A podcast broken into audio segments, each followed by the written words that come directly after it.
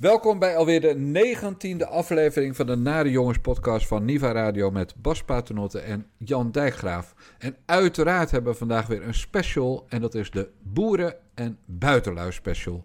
En die begint met de grootste boer die dit land kent. Dus ik voel mij helemaal niet meer verbonden met anti-islam rechts in Europa. Populisme. En ik ben er ook heel veel over de 11 september ben ik gaan lezen. En we zijn, we zijn schellen van de ogen gevallen. Dat is gewoon... Dat, dat kan niet zo gegaan zijn zoals het verhaal is. Kan niet. En vervolgens zijn ze al die immigratie gaan aanjagen en allemaal oorlogen gaan beginnen daar. Een soort totale schizofrenie. Aan de ene kant voer je oorlog tegen de islam, aan de andere kant haal je de islam naar Europa. Ja. En, en eh, ik denk eigenlijk van de afgelopen twintig jaar heb, ik, heb ik ook in een fout frame gezeten. Ik heb gewoon met hele verkeerde. En de mensen waarvan ik dacht dat ik het mee samen deed. de, de- ja, ja, de, de, de rechtspopulisten in Europa, zeg maar give or take. En geen, van geen stijl tot eh, Boris Johnson, bij wijze van spreken. En een beetje dat hele spectrum. Dat was eigenlijk helemaal geen coalitie die bestond uit mensen die het fundamenteel eens waren over wat ze wilden. Nou, ik zei boer, maar ik bedoelde natuurlijk boer, Bas. Onze jonge vriend eh, Thierry Baudet. Ja. Sher- Sherry Baudet. Nou ja, hij wordt knetter, knetter, knetter gekker dan ooit. We hebben, hè, dit komt te staan uit dat, eh, dat fragment dat hij met eh Sitske Bergsma eh, aan het praten is. Hij voelt zich niet meer bij is, islamkritisch rechts thuis. 9-11 zat heel anders. En had het ook nog over reptielen. Ja, dat heet Wappie. Nou, totaal wappie. Ja. Wat mij opviel aan dit gesprek, hè, want ik heb, ik heb eh, niet alles gehoord, daar hebben we Chris Albers voor en die maakt dan een samenvatting eh, eh, op de post online. Ja. Maar wat mij opviel was die hummende mevrouw. Hoe heette die? Sitske Bergsma. Ja, blijkbaar was dat de gast. Ja. Maar Baudet was aan het woord en zij humde wat en zei een paar keer ja. Waar kennen we haar van? Van de Post Online. Ze heeft heel lang voor ons geschreven. Ja, maar ze, ze doet nu toch iets, ze is toch activist nu? Iets van moedermelk of zo? Ja, nee, ze- ja, Moederhart.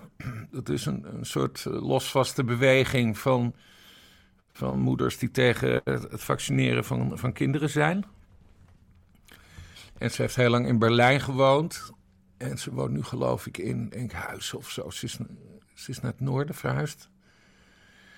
En eh, nou ja, ik vond het altijd niet onaardig. Maar ja, het is... eh, het is allemaal een beetje aan het radicaliseren in die hoek bij, Ja, eh, bij Ja. Ja, want, want ik zei op Twitter iets en toen kreeg ik meteen weer allemaal van die lui die linkjes naar YouTube-filmpjes over 9-11 gingen sturen. Ja, dat moeten we natuurlijk niet hebben, want we hebben ook een leven. Ja. Maar in die, in die sector zit hij inmiddels, hè, Baudet? Want hij, hij heeft dan vandaag heeft hij een, een soort half rectificerend eh, nieuw filmpje gemaakt... dat hij helemaal verkeerd begrepen was. Maar hij, zei, hij zei over 9-11 toch echt dat hij gelezen had... en dat het echt anders eh, eh, in elkaar Ja. zat dan we allemaal denken. Nee, maar daar ging hij ook helemaal niet op in. Hij heeft, hij heeft, eh, het is vandaag dinsdag, hij heeft vanmiddag een filmpje gestuurd. Maar dat gaat vooral over dat eerste punt. Of uitsluitend over dat eerste punt. Dat hij zich niet meer bij eh, islamkritisch rechts thuis voelt. En dat heeft natuurlijk tot enige verwarring bij zijn achterban geleid. Want die zijn natuurlijk tegen, tegen, tegen moslims. Eh, maar hij heeft vooral gezegd: eh, geen zorgen, jongens. Ik word geen moslimfundamentalist. Ik ga me ook niet laten bekeren. Eh, maar jullie hebben mij als st- stable genius gewoon een beetje verkeerd begrepen. Maar hij gaat verder totaal niet in op die 9-11 toestand. En die opmerking over reptielen ook. Ja. Het, is, het gaat een beetje richting Micha Kat, zou je denken. Dat is de volgende stap. Denk je? Micha Kat. Nou ja, ja, nee, maar echt. Die had het ook over reptielen op een gegeven moment. Ja. En die zit nu regelmatig of in de gevangenis of in het gekkenhuis of zo. Ja, ja nou, hij woont in Ierland, in Ierland nu, omdat, ze, eh, omdat hij niet naar Nederland wil komen, omdat hij dan nog een gevangenisstraf moet eh, uitzetten. Nee, maar die- er zijn wel overeenkomsten hoor met Micha Kat. Micha Kat is begonnen als eh, journalist bij NRC Handelsblad. Eh, hij heeft toen een hele mooie primeur eh, gehad over eh, meneer Kalpfleisch. Dat, dat verhaal dat kunnen we niet hier helemaal uitleggen, maar die had samengewerkt met, met de, de liegende rechter. Of ik, ik, weet niet meer hoe het hele verhaal precies zat. En daar heeft Kat toen ook daadwerkelijk een rechtszaak mee gewonnen. En hij heeft een schadevergoeding gekregen. En toen, kreeg hij, ja, toen had hij er wel zin in. Dus toen dook hij in Demming. Maar op een gegeven moment zag je Micha Kat dus helemaal afdrijven. Ja. En hij werd steeds extremer en meer complottheorie. En nou ja, dat zien we nu ook bij uh, in iets mindere mate. Maar ik vind het toch vergelijkbaar. Dat zien we ook bij Thierry Baudet uh, plaatsvinden. Ja. Het, het, wordt steeds wilder, het wordt steeds gekker, steeds meer complot. Echt man, je hebt het over reptielen, waar gaat dit over? Ja, maar wat is de reden? Is, is dit weer uh, strategie? Doet hij dit om, om weer wat zieltjes terug in, uh, in kikkers in de kruiwagen terug te krijgen? Nee, dat kan ik mij niet voorstellen, want dit is wel allemaal zo buitennissig. Uh, ja, ik, ik, ik, ga niet op de stoel van de psychiater of de psycholoog zitten. Je bent geen Bram Bakker. Ik ben zeker geen Bram Bakker, wat een lul is dat. Maar goed, dat is weer een heel ander verhaal. Maar nee, maar uh, Chris Alberts die schreef het goed uh, vanmorgen. Thierry Baudet is het uh, contact met de realiteit kwijt aan het raken. Ja. En, en of daar dan ook iets psychisch achter zit, daar ga ik mij niet in, in mengen. Maar iedereen ziet dat deze man is onvergelijkbaar met twee jaar geleden. Ja, Toen was het een heel ander mens. Jij bent altijd heel goed op de, op de hoogte van de regeltjes in de Tweede Kamer. Wat, hm. is er iets kan de Kamervoorzitter iets doen als een Kamerlid echt compleet uh, miga, gaat vermigakatiseren? Nee, niet echt. Dus dit, kun, dit kan leuk worden. Als je, mag, je, mag, je, mag een, je mag een Kamerlid uit de vergadering zetten, geloof ik. Ja, maar goed, daar is hij toch zelden. En, uh, daar is hij toch zelden. Nee, je hoopt gewoon wel dat die mensen om zich heen heeft. Uh, maar ja, dat is het hele probleem. Uh, als zijn interne oppositie uh, de verstandige mensen, zeg maar, ja, die zijn allemaal weg. Dus hij heeft een hele echoput. Hij, hij woont nu in zijn eigen echoput. Ja. En hij heeft alleen maar lui die hem bevestigen. en niemand die kritiek op hem heeft.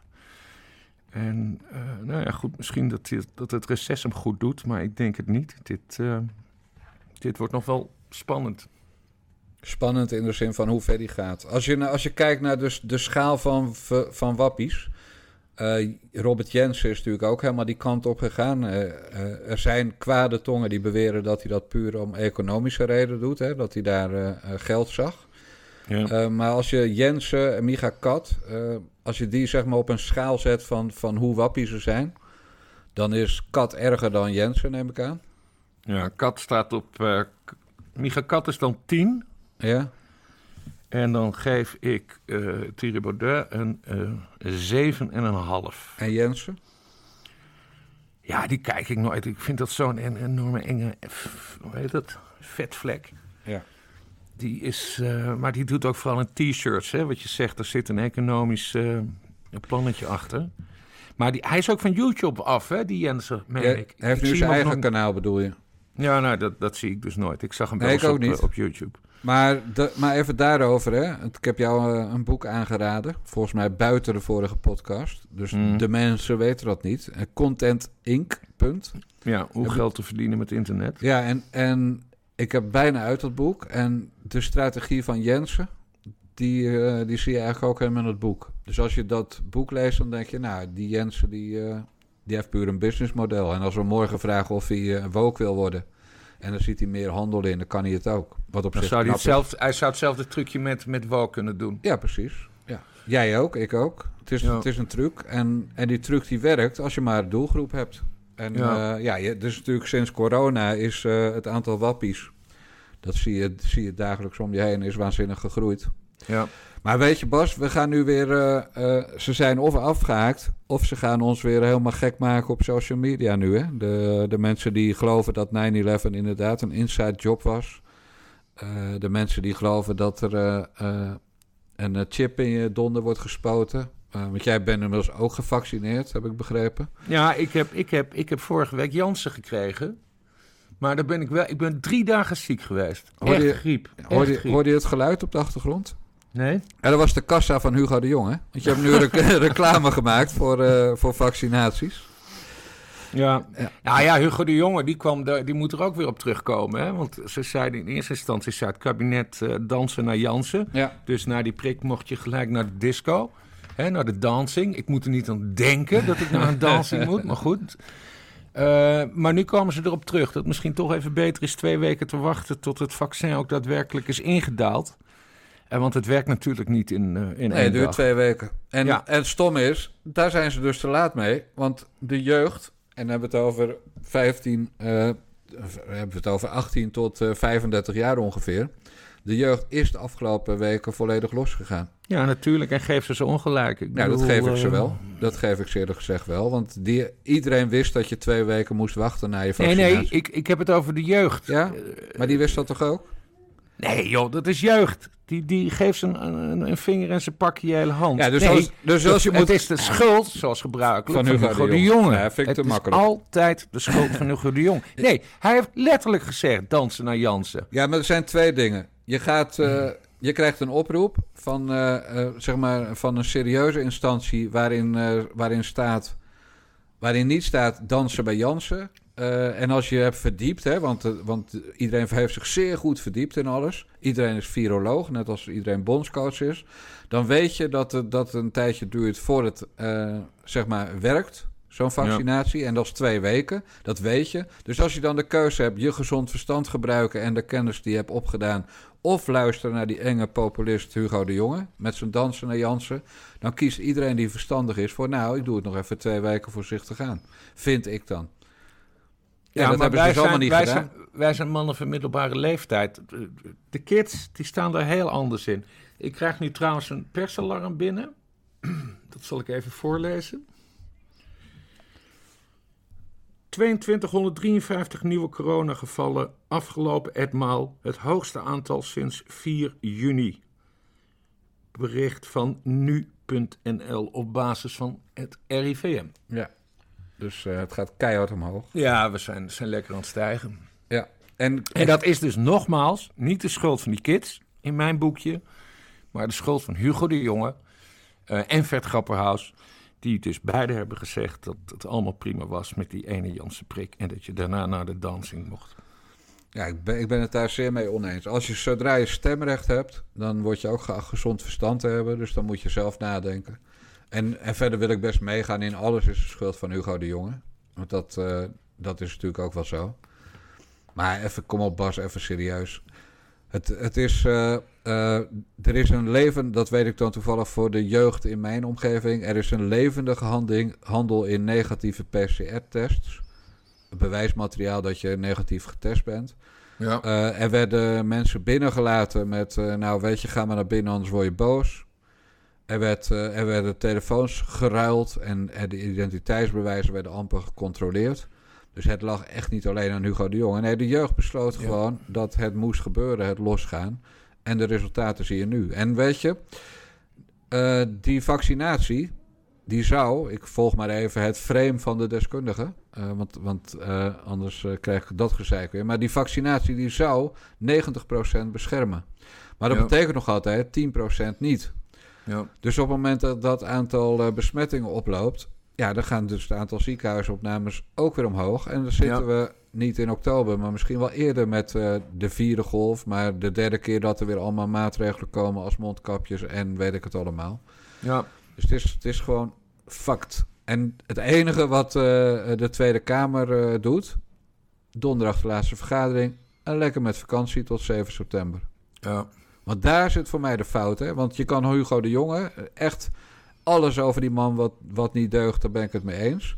Maar Hugo de Jonge pakt alle ruimte die de Tweede Kamer hem biedt. En niet een klein deel van de Tweede Kamer, maar de hele Tweede Kamer. ja, nee, dat is absoluut zo. Daar zitten de schuldigen. En die hebben wij, de bevolking, gekozen.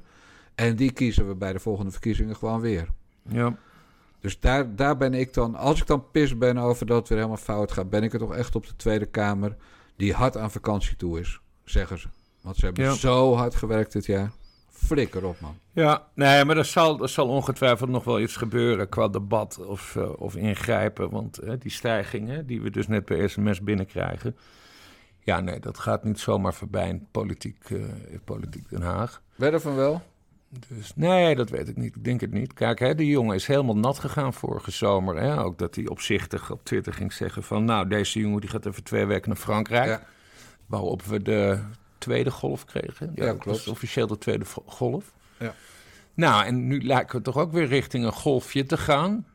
Nee, dit wordt gewoon in, in het, het is het na begin. de zomer een, een grote golf weer. Ja, ja, ja.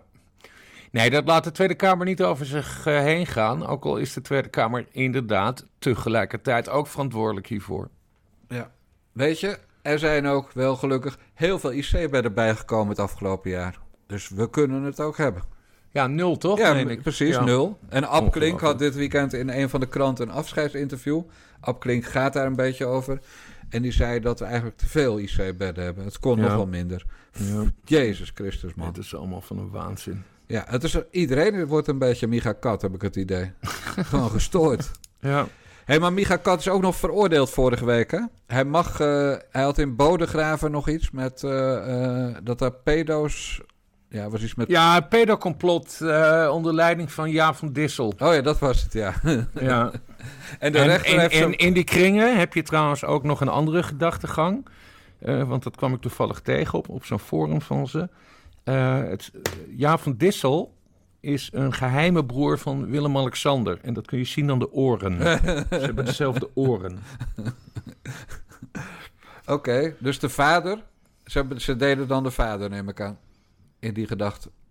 Ja, of de, of de mo- moeder. Ja, nee, maar dan zouden we dat wel gezien Nee, hebben. dat aan zou niet... Nee, de vader... Nee, nee, nee Klaus Ja. moet het dat zijn. Ja. Eh, Dus Klaus heeft hem in de moeder van Jaap van Dissel gehangen. Ja. ja. Ik moet er toch niet aan denken. Terwijl Willem-Alexander gewoon nul op Ja, spaar maar ze lijken ook niet eens Nee. op elkaar. Ze, ja, ze hebben beide een baard, maar dat is het Ja. dan ook. Ja, blonde baard. En zijn Maar dat dik. is typisch, typisch Kat en Succes Complotdenkers. Die gaan vrij associëren, net zolang eh, eh, tot ze eh, wat hun betreft rond verhaal hebben. Ja.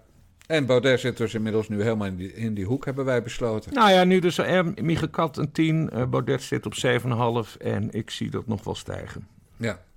Op de schaal van kat. ja. En die mevrouw Bergsma die erbij zat, die moedermelkmevrouw. Want die was vroeger vrij normaal, toch? Eh, Althans, vond jij, anders had ze vast niet gepubliceerd bij jou. Ja, nee, ja, maar die is, die is ook een beetje. hè, Die radicaliseert ook, maar ik, ik, ik geloof niet dat zij eh 9-11 anders ziet en, eh, en erg met reptielen bezig is. Anders dan dat ze een keer het hoofd van een, een slang, een kop van een slang, op het hoofd van Mark Rutte in een plaatje had Ja. gefotoshopt, wat ze vervolgens niet publiceerde. En hem ook niet echt Ja, weer... je weet het niet, misschien is die ook helemaal aan het Ja, maar ze zat hem ook niet... eh, Ze weersprak hem ook niet toen hij over 9-11 begon. Nee, maar niemand weer spreekt Ja. tegen Baudet. Maar sowieso, eh, de, de, de zinsconstructie met... ik heb veel gelezen over 9-11... en eh, ik geloof niet dat het verhaal klopt zoals ze het vertellen. Dat is precies hoe het natuurlijk bij al die wappies... op elk gebied gaat. Van de moord op Kennedy tot de, de landing op de maan. Ja. Eh, ze hebben op YouTube iets gehoord en gezien en gelezen. En eh, dat is hun nieuwe waarheid. Ja, en allemaal statistiekjes hè, uit de meest dubieuze onderzoeken gooien ze altijd in plaatjes op je. En, eh, Ja. Nou, we gaan het Lekker, zien, want er komt dus een groot tribunaal. Wat dan? Nou, er komt een, een, een tribunaal tegen mensen die tegen de wappies zijn. Dat, Oh, oké. ja, dat lees ik ook veel op Twitter.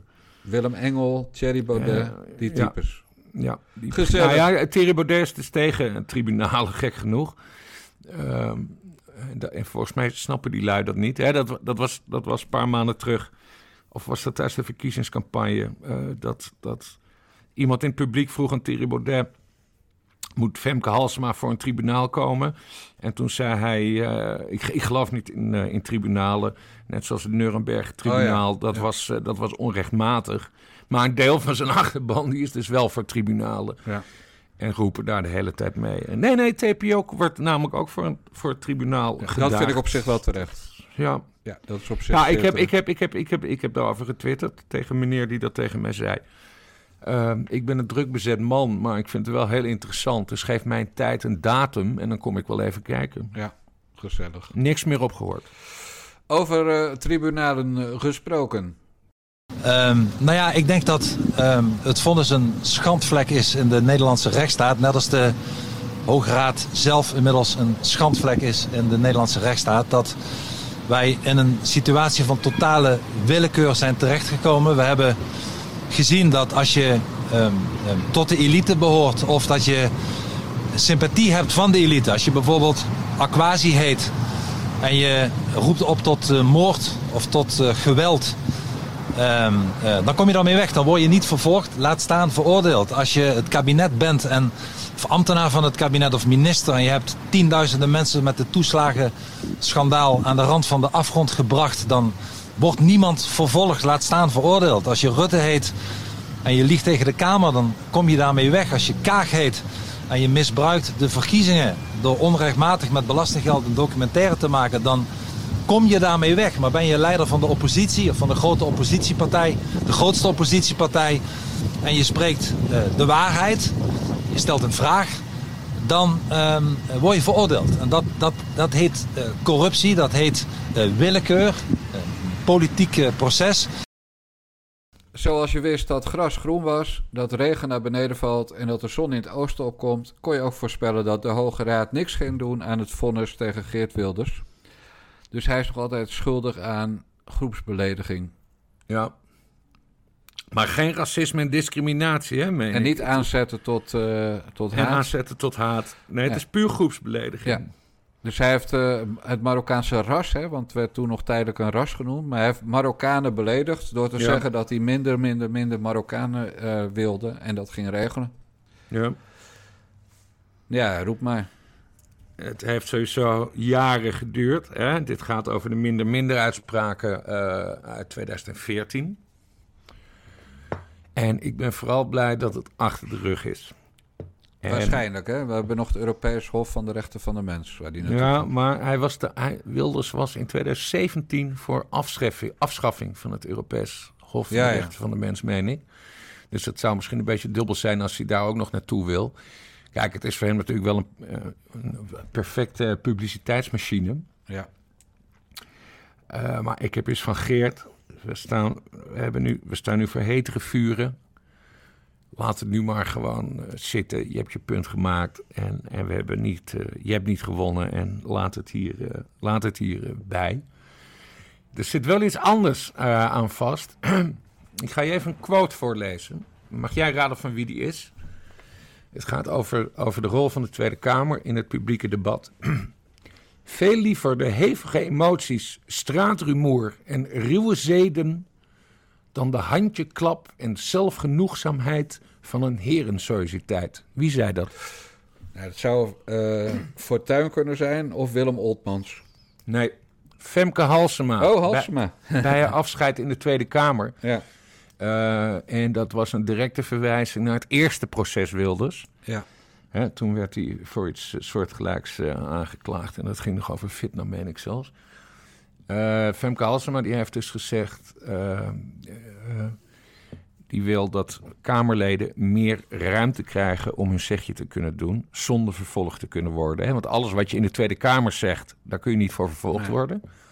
Hè? Onschendbaarheid van, van de parlementariër. Maar daarbuiten overduidelijk wel. En Halsema die heeft toen dus uh, gezegd... Uh, ja, juist op dit soort zaken te voorkomen. Interessant toch? Onze Femke. Ja, Femke die, uh... Femke, Femke die... Femke was deze week ook nog in het nieuws, hè? Want, want Femke die heeft dus al, wist dus al twee jaar dat die Laurens Evans... Ik, ik ver, verwar hem altijd met Joris Evans, maar dat moet ja. niet doen. Maar dat die Laurens Evans, een wethouder van de SP in Amsterdam... Twee ja. jaar geleden waren er al klachten bij Halsema en bij de gemeentesecretaris in Amsterdam dat hij, uh, hoe noem je dat? Nou, seksuele toespeling of zo had gemaakt. Ja. In elk geval zich had misdragen. En toen ja. heeft eerst de gemeentesecretaris een gesprek met die wethouder gehad. En toen nog de gemeente, bij de volgende klachten de gemeentesecretaris en Halsema samen. Ja. En toen kwam Halsema, dus eigenlijk gewoon een MeToo-affaire. En, en zou zijn gedrag verbeteren. Maar in 2020 kwamen er weer klachten. Uh, en Halsema deed niks. En waarom niet? Omdat het geen formele klachten waren. Nou, waar kennen we dat van? Dat kennen we van bijvoorbeeld Dion Graus. Ja. Dus je, je ziet nu GroenLinks uh, uh, mensen heel erg nog altijd Dion Graus... ja, maar Dion Graus roepen bij alle affaires die er ter linkerzijde zijn. Maar bij het geval van een wethouder in Amsterdam gaat de GroenLinks burgemeester ook de Dion Graus methode toepassen met ja, maar er is geen formeel, er is geen aangifte gedaan. Ja. Uh, ja, dat is dus in dit geval ook niet. En toen zijn er uiteindelijk vijf wel formele klachten gekomen. Toen heeft, is er een externe commissie voor de tweede keer opgezet. En dat betekent dus dat die man tussen 2019 en gisteren, maandag, toen hij uh, uh, het ermee eens was dat hij moest vertrekken en, dus, en direct vertrok, maar drie jaar lang uh, heeft die gast dus, en, en, laten we aannemen dat hij niet in 2019 pas begonnen is. Hij is in 2015 wethouder geworden. Dus misschien wel zes jaar lang heeft die man vrouwen een onveilig uh, werkklimaat bezorgd. Een gevaar op de werkvloer. En niemand uh, in de gemeenteraad schijnt dat te hebben geweten. Kijk, normaal ja. heb je toch het, dat het vertrouwelijk de fractievoorzitters worden geïnformeerd. Ja. Maar dat is dus ook blijkbaar niet gebeurd. Dus, dus Halsema en de gemeentesecretaris hebben dit onder hun petjes gehouden. Ja. Ja, vind ik wel een heel kwalijke zaak, moet ik eerlijk zeggen. Ja. En die ja. mensen mogen dus nooit meer iets over Dion Graus zeggen. Nee. Want dat is ook maar uh, ja, iemand die zegt dat het zo is, maar weigert een aanklacht in te dienen. Ja, Ja. daar- wat, waar hebben we het over, Bas? Ja. Nou ja, die Evans heeft dus uiteindelijk zijn verantwoordelijkheid genomen. Maar dat was dus onder druk dan ook van Halsema natuurlijk. En, en, en die onderzoeken. Die had En- geen keus, die moest gewoon oprotten. Die, die moest eh, gewoon weg. Je ziet ook dat hij trouwens heel veel credits krijgt hè, van, van Ja. linkse mensen. Van, oh, wat een prachtige brief en wat moedig dat hij alles eh, zo open eh, bekent. Ja, nou ja, als het een VVD'er was, dan was het een ander verhaal. Ja, want iedereen die een paar jaar geleden bij MeToo heel erg actief was, ook in de media, die houdt nu weer zijn bek. Dus dit is, nee, is, deze wethouder heeft zoveel voor Amsterdam gedaan. En ja, het is stom dat hij in de fout is gegaan. Het is terecht dat hij weg moest. Maar ook het feit dat, dat niet eens duidelijk wordt wat hij nou precies gedaan heeft. Uh, Mhm. Misschien heeft hij wel gewoon gezegd: Mevrouw, wat ziet u er vandaag voortreffelijk uit? Ja. En ja, weet jij veel. Maar hij kan ook gezegd hebben: eh, negen uur vanavond, mijn huis of jouw huis. Nou ja, dat is, dus, dat is dus het probleem van zo'n MeToo-affaire. Van hoe, hoe, hoe groot is wat hij eigenlijk heeft gedaan. Ja, dat Hè, weten we on- niet. eh, onschuldig flirten eh, kan ook al worden opgevat door gevoelige types als, eh, als een vorm van mentale aanranding, of weet ik veel hoe ze dat noemen. Maar ja, we krijgen dat rapport niet te zien, dus we weten ook niet wat er is gezegd. Nee, dus of, on- of geschreven, want het ging met name ook nog eens over e-mails. Ja, maar, on, maar wat betekent dat? Dat eigenlijk weer de hele affaire, net als toen bij D66 met eh, de MeToo-affaire rond Frans van Drimmelen. Ja. Ja, er is weer een deeltje gemaakt. En Ja. deeltje is in dit geval, eh, we zwijgen erover. We Ja. gaan niet naar buiten brengen wat je nou gedaan hebt. En, Nee, en eh, bij, Van Drim, bij Fra- Frans van Drimmelen, D66, was het nog veel erger. Omdat er veel meer gevallen waren, maar die niet verder... eh, ja, of, ja, die zijn wel onderzocht. En ze hebben vastgelegd dat dat niet oké was. Ja. En eh, oké, nu gaan we gewoon verder, nieuwe start. Want hij is toch uit die commissie die kandidaten Ja, Kamerleden precies, dus hij heeft geen invloed meer en hij kan niet meer jonge blonde grietjes eh, met goede tieten en een lekkere kont hoog op de lijst krijgen. Nee. Maar het is precies hetzelfde verhaal. Dus, dus het is telkens in eigen kring is het toch, toch toedekken van. Ja. En dat, ja, dat irriteert me in hoge mate. Want ik vind dat iedereen die zich schuldig maakt aan MeToo-zaken... moet gewoon de ballen worden afgedraaid. Of ben ik nou ook een miga-kat? Nou ja, ballen afdraaien, dat, dat vind ik wel heel erg ver gaan. Spreekwoordelijk, Bas. Die moeten, die moeten gewoon zwaar voor schut worden gezet. En je moet vooral ook vertellen wat er dan gebeurd is. Nou ja, Want- daar gaat het mij dus om. Het, Ja. gaat, om de, het gaat om de transparantie. En het, en het allerliefste ook nog gewoon het- dat het Openbaar Ministerie zich ermee bemoeit. Want dan kun je een uitspraak van de rechter krijgen. Maar dat is in dit geval dus geen, eh, geen sprake van. En ik wil eigenlijk ook wel weten wie de slachtoffers zijn. Zijn, Ja. dat, zijn dat hele kwetsbare vrouwen? Eh, of zijn dat eh, mensen die heel ambitieus waren en omhoog wilden? En die misschien ook wel meegingen voor een deel. Je moet toch iets meer weten dan alleen maar... Ja, hij heeft zich niet zo netjes gedragen en dat vindt hij zelf ook... en hij gaat nu wat anders doen. Want wat betekent dit? Nou, die zien we gewoon wel weer terugkeren als directeur van een woningbouwvereniging ergens. En dan gaat hij, Ja. dan gaat hij, eh, heeft hij mede te zeggen wie een huurhuisje gaat krijgen. Ja. Ik bedoel er verder niks mee, Bas, maar ja. Nee, oké, nee, maar ik snap wel wat je bedoelt. Maar aan de andere kant... hij is natuurlijk wel voorlopig getekend, hè? Want mensen gaan dingen vergeten. Dus hij krijgt natuurlijk wel weer een baan ooit. Maar door zo diep door het stof te gaan... ehm, ik weet niet precies wat ik wil zeggen, maar... Kijk, het is dus een vorm van schuld, schuld bekennen. Sowieso. Ja. maar het ook echt formeel vastleggen. Want dit blijft je achtervolgen natuurlijk. Ja, aan de andere kant, eh, iedereen verdient, ik kan hem nu al invullen, iedereen verdient een tweede kans. Ja, Dat ga je dan horen te zijn de tijd. En dat begint Nee maar, natuurlijk daar, met... nee, maar daarom bedoel ik, daarom zou ik een rechterlijke uitspraak veel mooier vinden. Ja. Want dan weet je echt of iemand fout zit. We weten nu helemaal niet of hij, of hij echt fout heeft gezeten. Zie dus, waar we het net ook over hadden, Dion Graus. Ja. Niemand doet aangifte. Dus het Openbaar Ministerie kan er niks mee doen. Nee. Hè? En, de, en de, dan is de Rijksrecherche ermee bezig of zo. Ja, dat is allemaal flauwekul. Maar daar, heb, daar horen we ook helemaal niks van. Dus nee, ik zie het liever met een gerechtelijke uitspraak. Net zoals met eh Harvey Weinstein en hoe heet die, die moppetapper Bill Cosby. Die Ja. trouwens weer vrij is, hè? Weg Ook schandalig, schandalig. Oh, jongens, Ja. wat is dat nou weer? Altijd, kijk, bij blanken gebeurt het niet, Bas. Hè? Dit gebeurt alleen maar omdat hij zwart is. Ja, nee, blanken die gaan voor schut. Ja, precies. die, die, precies. En, eh, maar meneer, meneer Bill Cosby met zijn black privilege, hè? Die, eh, die, die loopt nu alweer de, de mooie meneer uit te hangen. Precies. Ja, eh, wat goor. nou, we hebben weer vrienden. Heel goed. Volgende onderwerp. Ja, laten we dat doen. Ik heb eh, eh, een, een hele goede oude politicus gevonden. Keerpunt 72, het concept voor het progressieve regeerakkoord. En ik denk, wat irriteert mij toch zo? Dat is die leuke inleiding waar de heer Den Uyl net over sprak. Nog een zinnetje. Alle kiezers wordt honing om de mond gesmeerd. Sinterklaas pakt uit of het niet op kan. Laatste citaatje, kan nog best doorgaan, maar dat doe ik niet. Deze tekst, die eerder de indruk wekt door gewetenloze reclamejongens bij elkaar te zijn geschreven. Gewetenloos, schrijft Pen. Ik zeg het na koele overweging. Want hier wordt de democratie ondermijnd. Hier worden de mensen opgevoed in de politiek van de illusie. Sinterklaas bestaat. Daar zit hij, achter de tafel.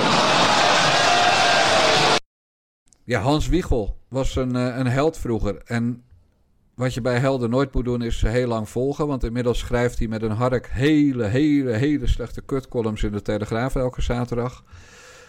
Maar ja, Wiegel. Ik heb gewoon heimwee. Even, even over die columns van Wiegel. Hij heeft twee jaar columns geschreven bij TPO. En dat waren hele goede columns. Op een gegeven moment is hij weggekocht door de Telegraaf. Schreef hij ook hele goede columns. De laatste tijd is het redelijk kut. Ja, Dat is iedereen met elkaar eens. Het zijn hele makkelijke, opgepende, clichématige columns. Mijn vermoeden is dat dat komt. Hij heeft een lichte beroerte gehad vorig jaar. Dus hij is niet meer zo scherp in het schrijven. En ik vind het heel verdrietig voor hem. En misschien zou je als hoofdredacteur moeten zeggen: Hans, zullen we, zullen we gewoon stoppen met die columns? Nog een mooie afscheidscolumn ja. doen we een groot interview. Het is misschien wel genoeg geweest. Nee, ik vond, ik, ik heb, het is niet plaatsvervangende schaamte. Want ik heb dus, omdat hij columnist was bij ons, ontzettend veel contact met hem gehad. En het is een ontzettend aardige vent. En messcherp, in principe.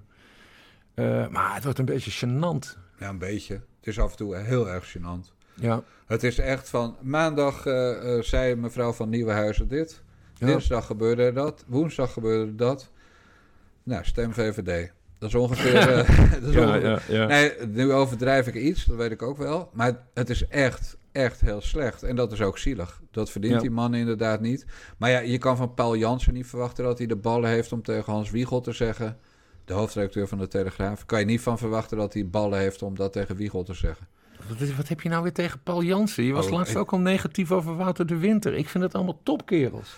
Ja, dat mag jij vinden. Tegen Wouter de Winter heb ik het dat hij lippendienst eh, verleent. Dat, Hmm. eh, aan de VVD met name. Mhm. Dus, en, en Paul Jansen is zijn voorganger en die deed precies hetzelfde.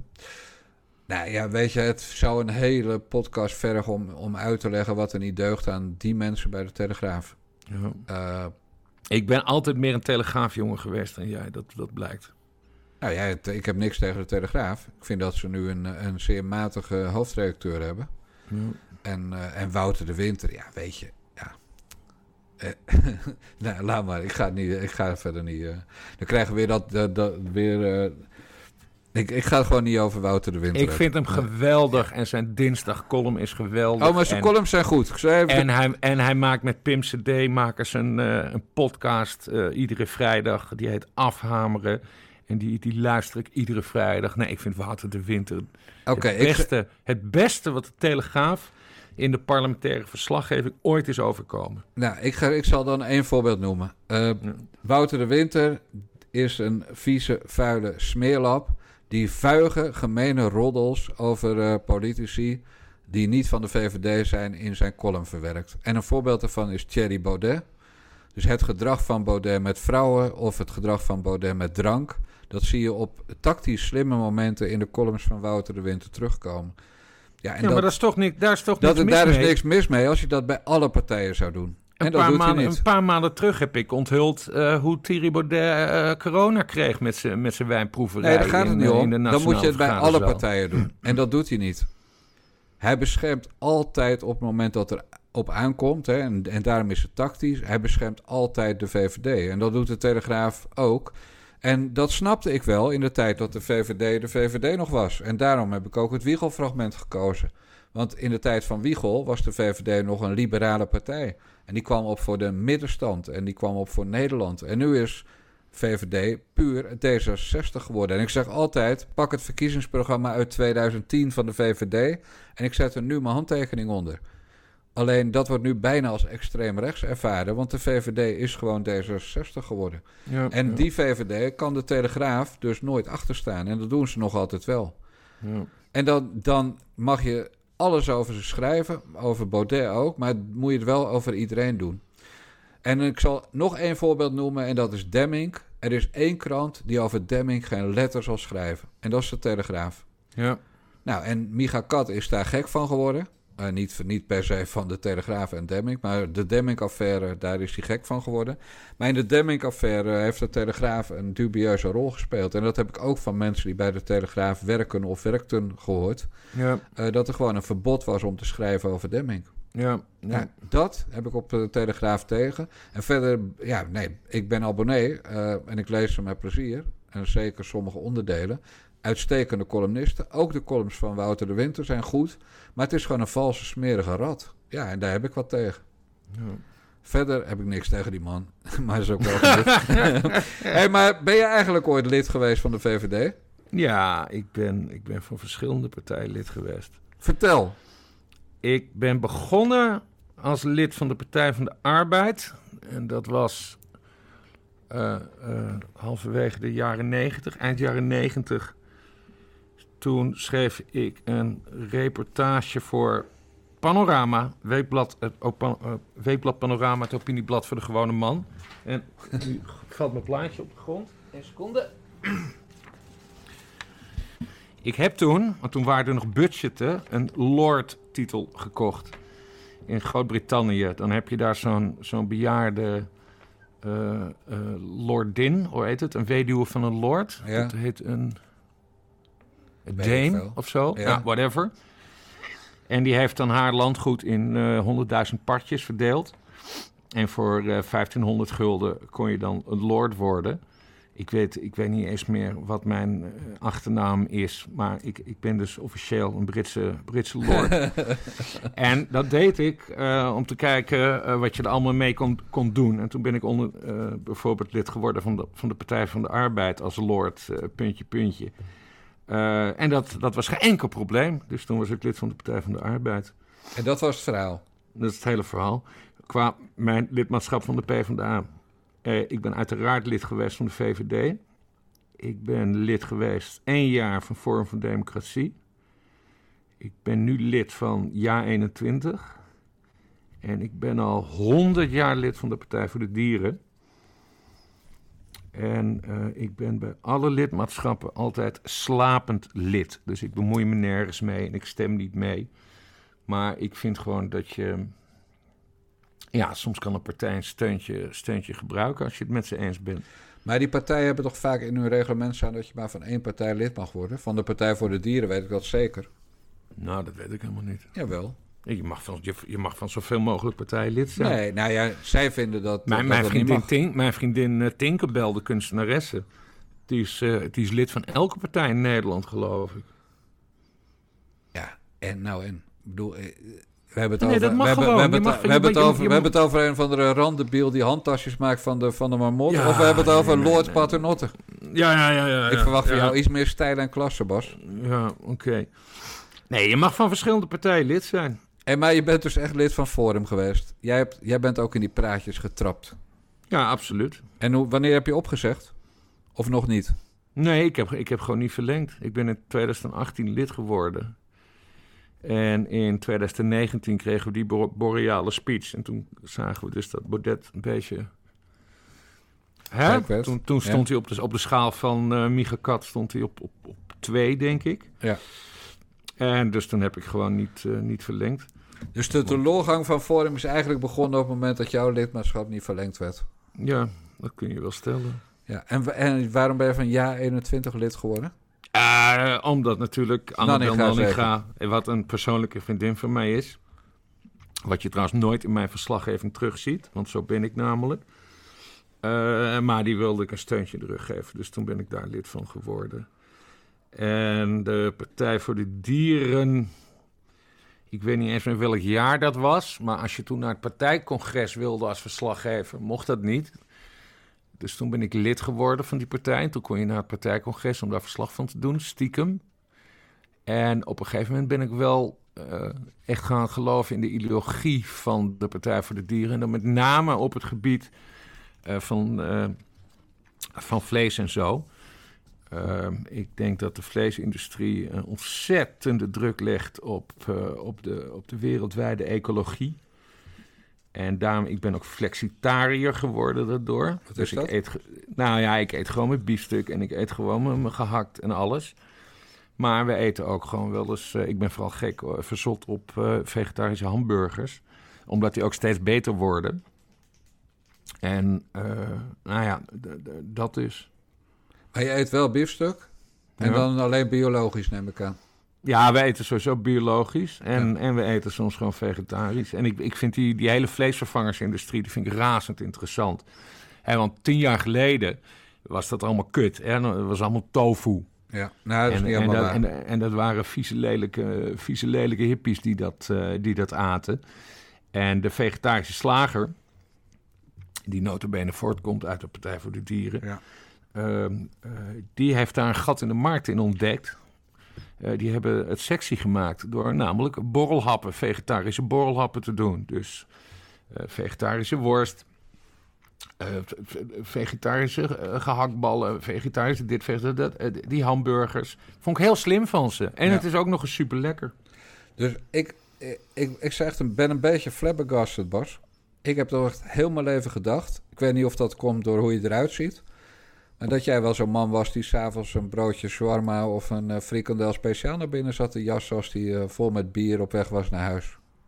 Ja, dat is dus niet zo. Nee, make no mistake. Ik heb, ik heb tonnen eh, broodjes shawarma weggewerkt. Oh wel. Tonnen. Ja, natuurlijk. Maar je bent nu principieel gestopt daarmee. Nee, ik ben dus niet gestopt. Ik ben flexitariër. Dus ik ben heel bewust bezig met mijn vleesbeleving.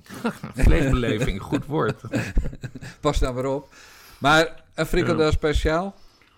Ja, die bestel ik ook gewoon. Maar weet je wat erin zit?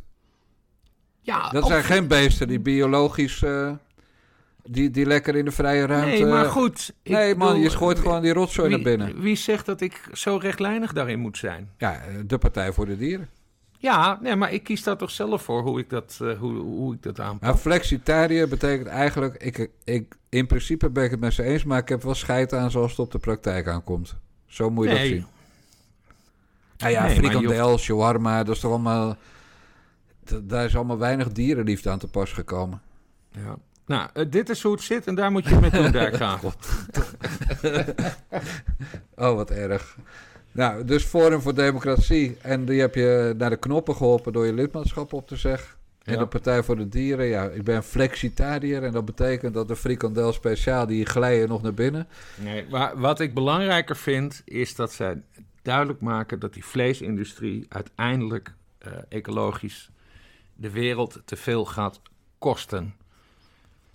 Ja, Het maar dit, water, dit is... er worden, het gaat om water, het gaat om bomen die worden gekapt. eh, om, om weet ik veel wat allemaal te moeten verbouwen.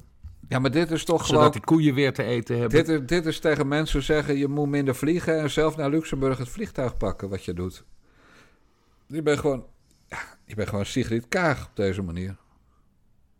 Dit gaat wel heel erg Ja, ver, ik- Hoe ben ik nu opeens Sigrid Kaag? Nou, die, die doet dit ook. Die, die ver- verlangt van de hele wereld een verbeterd gedrag... maar hij heeft er zelf scheid aan. Deze jongen heeft nog nooit in een auto gezeten zonder dat hij zijn autogordel omdeed. Want daar ben ik heel Oh ja, principieel dat- in. ja. In de auto, autogordel. Ik weet zeker dat je dit liegt. Ik weet zeker dat jij eh, zonder gordel in een auto hebt gezeten. nou, dan moet je het wobben. Ja, het is alleen niet te wobben. Nou, weet je sinds wanneer je achterin een gordel moet dragen?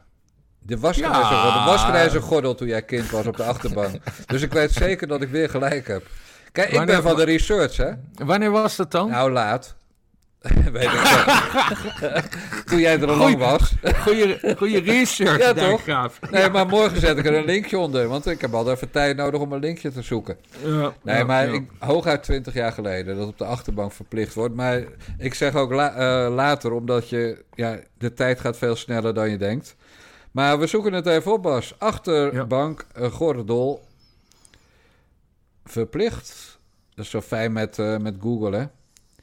1 april 1992 was het op de 92. achterbank verplicht. Dus, dat, i- dus dan hebben we het over, ja, eh, gewoon nog geen 30 jaar. Ja. En jij bent, hoewel je er zeer goed uitziet voor je leeftijd, maar je bent echt ouder dan 30. ja, 44. Dus jij hebt zonder gordel op die achterbank gezeten. Waarmee eh, ja, de fact-check in mijn voordeel is uitgevallen. Nou ja, eh, tot en met 1992. Want Ja. daarna heb ik altijd keurig die gordel omgedaan. Dus vanaf nu ben je gewoon de Sigrid Kaag van de Nare Jongens Oh mijn god. Jesus fucking Christ. Ik geloof dat er erger beledigingen zijn er niet. Behalve Maar misschien goed, Dijkgraaf, want eh, we komen hier ook op over het onderwerp waar we het zo meteen nog over gaan hebben, Caroline van der Plas. Ik vernam dat jij lid bent van de boer-burgerbeweging, BBB. BBB, met Caroline, Nou. Sweet Caroline van der Plas. Ik vind dat gewoon, eh, net als ik Sylvana Simons de eerste maanden als Kamerlid vo- goed vond, vind ik eh, Caroline van der Plas eh, een heel goed Kamerlid. Nou, verder woon ik, zoals je weet, in het gebied waar de doelgroep van deze mevrouw zit. Hè? Tussen de boeren, letterlijk tussen de boeren woon ik, in het buitengebied. Dus ik pas heel erg bij die partij. Dus ik, ja, ik ben uit sympathie lid geworden. En het is een verrekt dure partij, want je betaalt 88 euro voor een jaar. Jezus. Bij D66 geloof ik een tientje.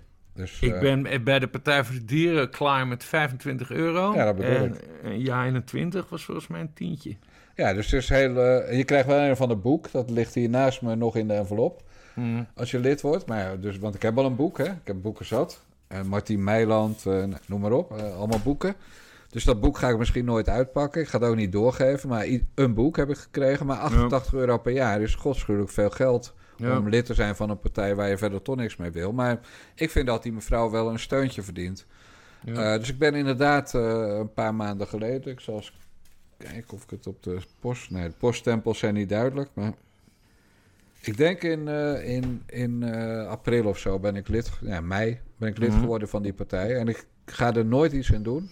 Die belofte heb ik mezelf en mevrouw Dijkgraaf gedaan. Dat ik nooit meer iets in de politiek ga doen. Ik ga zelfs geen vergadering bezoeken. Eh, dus gewoon niks.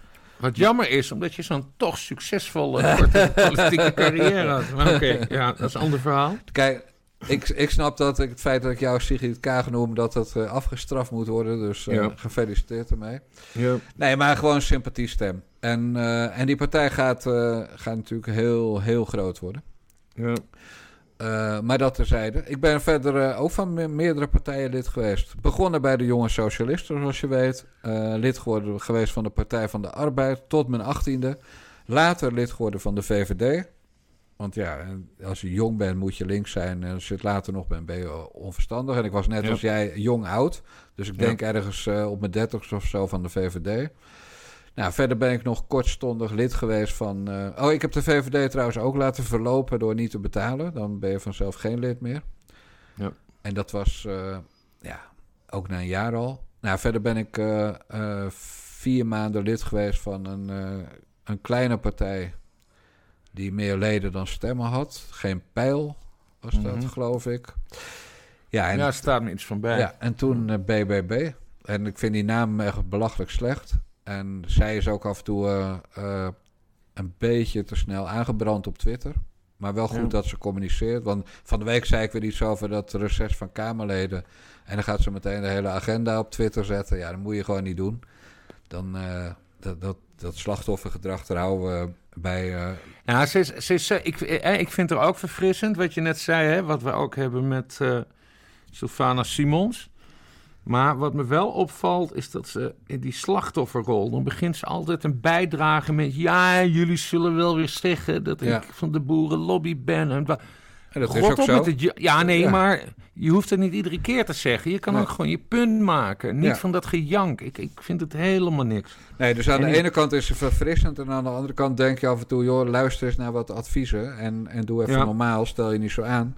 Dus dat is, eh, maar weet je, het, het, ze, ze legt de vinger op de zere plek qua inzet van Kamerleden, van aanwezigheid bij debatten. Eh, dus ze, in debatten stelt ze de gewone mensenvragen op een gewone Ja. mensenmanier. Nee, eens, helemaal Dus eens. eh, ik, helemaal vind, eens. ik vind het gewoon een goed wijf. En, en dat ze 100% eh, daar zit, of is gekomen dankzij de lobby. Nou ja, zo be it. Zal me jeuken. En de pa was bovendien een uitstekend sportschrijver. Dus dus eh, die, ja, ik kende haar vader al eh, als eh, consument van, van artikelen over sport. Hadden wij het daar vorige keer ook niet Nee. over? Of was dat... Hebben wij het niet over gehad? Misschien, eh, Welke, misschien, welke misschien, heb je, je dan? misschien heb je dat bij Kaag een keer op een D66 bijeenkomst. een Ja, ja, ja, ja, ja. Nee, we hebben het vorige week echt gehad over dat jij de vader van iemand kende die ook journalist was. Van, ik, eh, verdomme, nu Ja, maar mijn geheugen is slechter dan het jou hoor, dus je kan zomaar gelijk hebben. Ja, ik weet het niet. Mensen hier geloven dat niet, hè? ook thuis, maar ik vergeet bijna alles. Nou, dat moeten de mensen in de comments dan maar zeggen waar we het vorige keer over hadden. Maar je kende dus ook de vader van Caroline van der Plas. Ja, maar ik ben zo oud dat ik van heel veel mensen de vader ken. Nee, maar uit de journalistiek, dat is grappig. Ja, ja. de- de- Ja, de nee, kan best. natuurlijk. Kan best. Ja. Maar Van der Plas gaat dus heel groot worden. En dat heeft ze te danken aan het CDA. Wat heel grappig is, Bas. Het werd net getwitterd, dus ik ga het even, ga het even oplezen. Nederland zonder boeren, tuinders en vissers is als het Rijksmuseum zonder Rembrandts. Samen staan ze voor het beste wat ons land de wereld te bieden heeft. Rembrandt is wereldberoemd als groot vakman en vernieuwer in zijn vakgebied. En dat zijn onze boeren, tuinders en vissers ook. Daarom moeten we op hen net zo zuinig zijn als op onze Rembrandts. En wie zei dat? Geen idee. Nou, dat komt uit, eh, het- uit eh, de statements, de missiestatements van het CDA. Ah, En het CDA heeft nu een, een nota. eh, ja, het CDA omarmt gewoon de Europese agenda, de stikstofgeneuzel en de klimaatagenda. En, en dat is minder, minder, minder boeren. Niet Marokkanen, maar boeren. Dus het CDA laat echt keihard de boeren vallen. ja. En dat As is we niet speak, slim. hè? As we speak. Dat gebeurt dat- gewoon deze week. Ja, en dat is niet slim, omdat de, de, de boerenstand vroeger een groot, eh, een groot deel uitmaakte van de achterban van, van het CDA. Maar Juist. dat gaat nu wel veranderen en dan inderdaad mogelijk ten faveur van eh, Triple B, wat je niet mag zeggen. Ja, wie anders? Caroline. Wie, gaat, wie, wie komt er verder nog voor de boeren op? Thierry Baudet, maar die noemt ze boeren. Dus die, Ja. dat, dat vinden ze helemaal niks. En met een snorretje vinden ze hem nog enger. Dus, dus zij gaat gewoon keihard dat, eh, dat hele boeren... Dus, dus CDA verliest kiezers aan de kist Ja, en aan Van der Plas. Ja. Ja, het CDA is kapot. En ja, hoe, het is, hoe het kan het? tragisch. Maar hoe kan dit? tragisch. Ja. Op het moment dat je ziet dat er, dat er een boerenpartij is, hè, want zo noem ik ze dan toch maar even.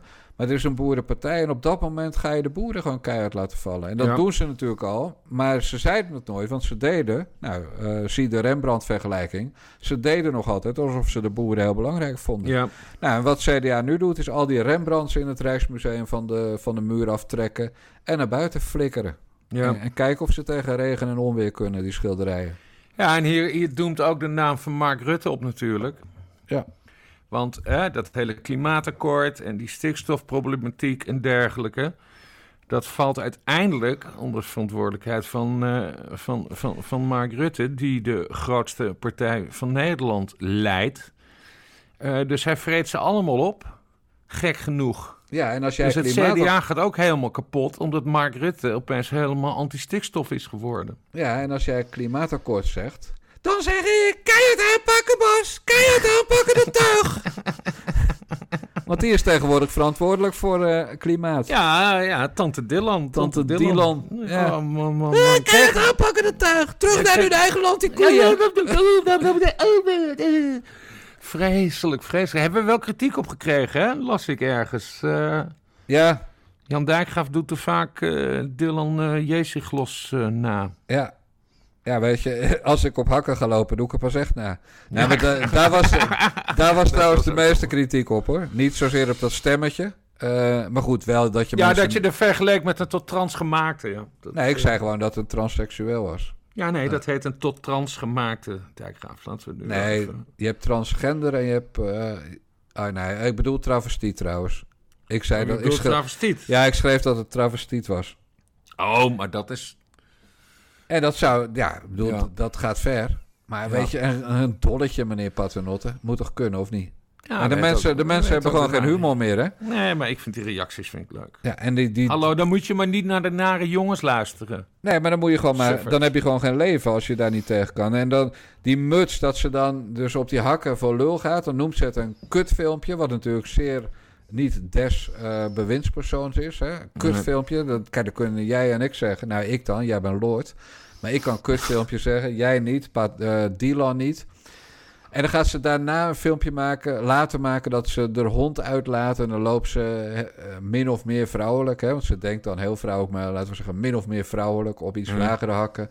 En dat, dan moet die sukkel van een vent van haar moet dan weer een filmpje maken. En dat zet ze dan op social media. En niet, kijk eens, ik kan wel op hakken lopen. Nee, gewoon de hond uitlaten. Moos, wat leuk, leuk, leuk. En de bedoeling is alleen maar, sukkels, ik kan wel op hakken lopen. Kijk eens. Maar liet ze de hond uit op hakken. Ja, want ze was bij een restaurant of zo. kwam er een heel lulverhaal over. En ze had zo gelachen om al die grappen over dat kutfilmpje. Nou, ze heeft helemaal niet gelachen. Ze vindt het vreselijk dat, dat duidelijk werd dat... Ja, die was gewoon een, eh, een omgebouwde. Zou Caroline van der Plas hakken dragen? Nou, ik raad het er niet aan. Nee. Nee, meer kaplaarzen, denk ik. en klompen. Ja, precies. Nee, Caroline van der Plas eh, is, is gewoon van de gestampte pot. Of zeg nu ook wat verkeerds. Nee, volgens mij kun je dat wel zeggen. Ja, nee, maar je weet het niet. Alles wordt tegenwoordig verkeerd uitgelegd. En ik weet dat ze gewoon dat ze weduwe is van een man, Jan. Eh, dus ik bedoel ook niet dat ze een pot is. Maar ik bedoel, je wordt toch gek waar je tegenwoordig allemaal op moet letten. Oh, je- gestampte pot. Ik had niet eens een associatie met pot gemaakt. Nee, omdat jij een degelijke lord bent. Nee, maar ik dacht dat je bedoelde dat ze te veel eet. Omdat ze nogal, hoe noem je dat? Dik. Eh, ja, nee, zo heet dat niet. Vol slank heet dat. Vol slank is, ja, precies. nou, Maar weet jij je, bedoelt, nee, ik weet dat ze weduwe is. Dat is een heel triest verhaal. En dat is trouwens nog kort voor de verkiezingen. Ja, zeker. Maar voor de campagne, kort voor de campagne is dat ook nog gebeurd. Dus daar heb ik wel respect voor. Chris Alberts is wel eens bij haar langs geweest. ja, dat is of ook niet- geen gevaar. Of nee, niet bij haar, bij haar thuis, maar op een of andere campagnebijeenkomst... waar je niet eens met het openbaar vervoer kon komen. Toen hebben ze hem ook echt netjes opgehaald. Ja. En, en daar was inderdaad heel lekker eten. Eh, de- stampot namelijk. En, eh, en hapjes. Ja, En, ja, pot. nee, maar Chris Alberts, die is, heel, die is gek op eten. Dus dat hebben ze heel slim gedaan. Helemaal ingepakt met stampot. Ja, een tip voor elke politieke partij. Als je Chris Albers uitnodigt, zorg voor hapjes. Hij gaat er niet minder onafhankelijk over schrijven, maar, eh, over je schrijven. Maar het helpt wel als je hem wat lekkers geeft. En bedoel je lekkers puur eten of bedoel je... Oh man, echt. Het is allemaal zo fucking schandalig weer aan het worden. Dit. Ja, maar je vraagt er toch om? Ik bedoel, Chris. Albers gaat naar een plek waar geen openbaar vervoer komt. Eet stampot.